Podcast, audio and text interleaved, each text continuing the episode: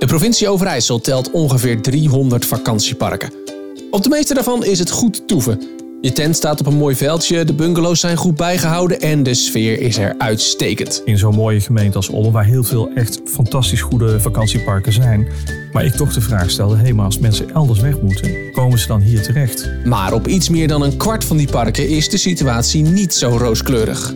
Dat kan beter, vindt het expertisecentrum Vitale Vakantieparken Overijssel. Ik wil eigenlijk ook wel even de stelling hier neerleggen van nou misschien is dat eigenlijk helemaal niet zo erg als er een keer een flinke verandering plaatsvindt. Ook in 2024 gaan we in de podcast Vitalisering Vakantieparken op zoek naar kennis, tips en inspiratie voor gemeenten die aan de slag willen of moeten met vakantieparken in hun omgeving. De noodzaak moet gevoeld worden. Iedereen moet het ook nou, denken van daar moet echt wat opgelost worden. Want als een van de partijen dat eigenlijk niet helemaal heeft of niet zo heeft, dan wordt het een stroperig en lang proces. De zes nieuwe afleveringen verschijnen binnenkort in je podcast-app.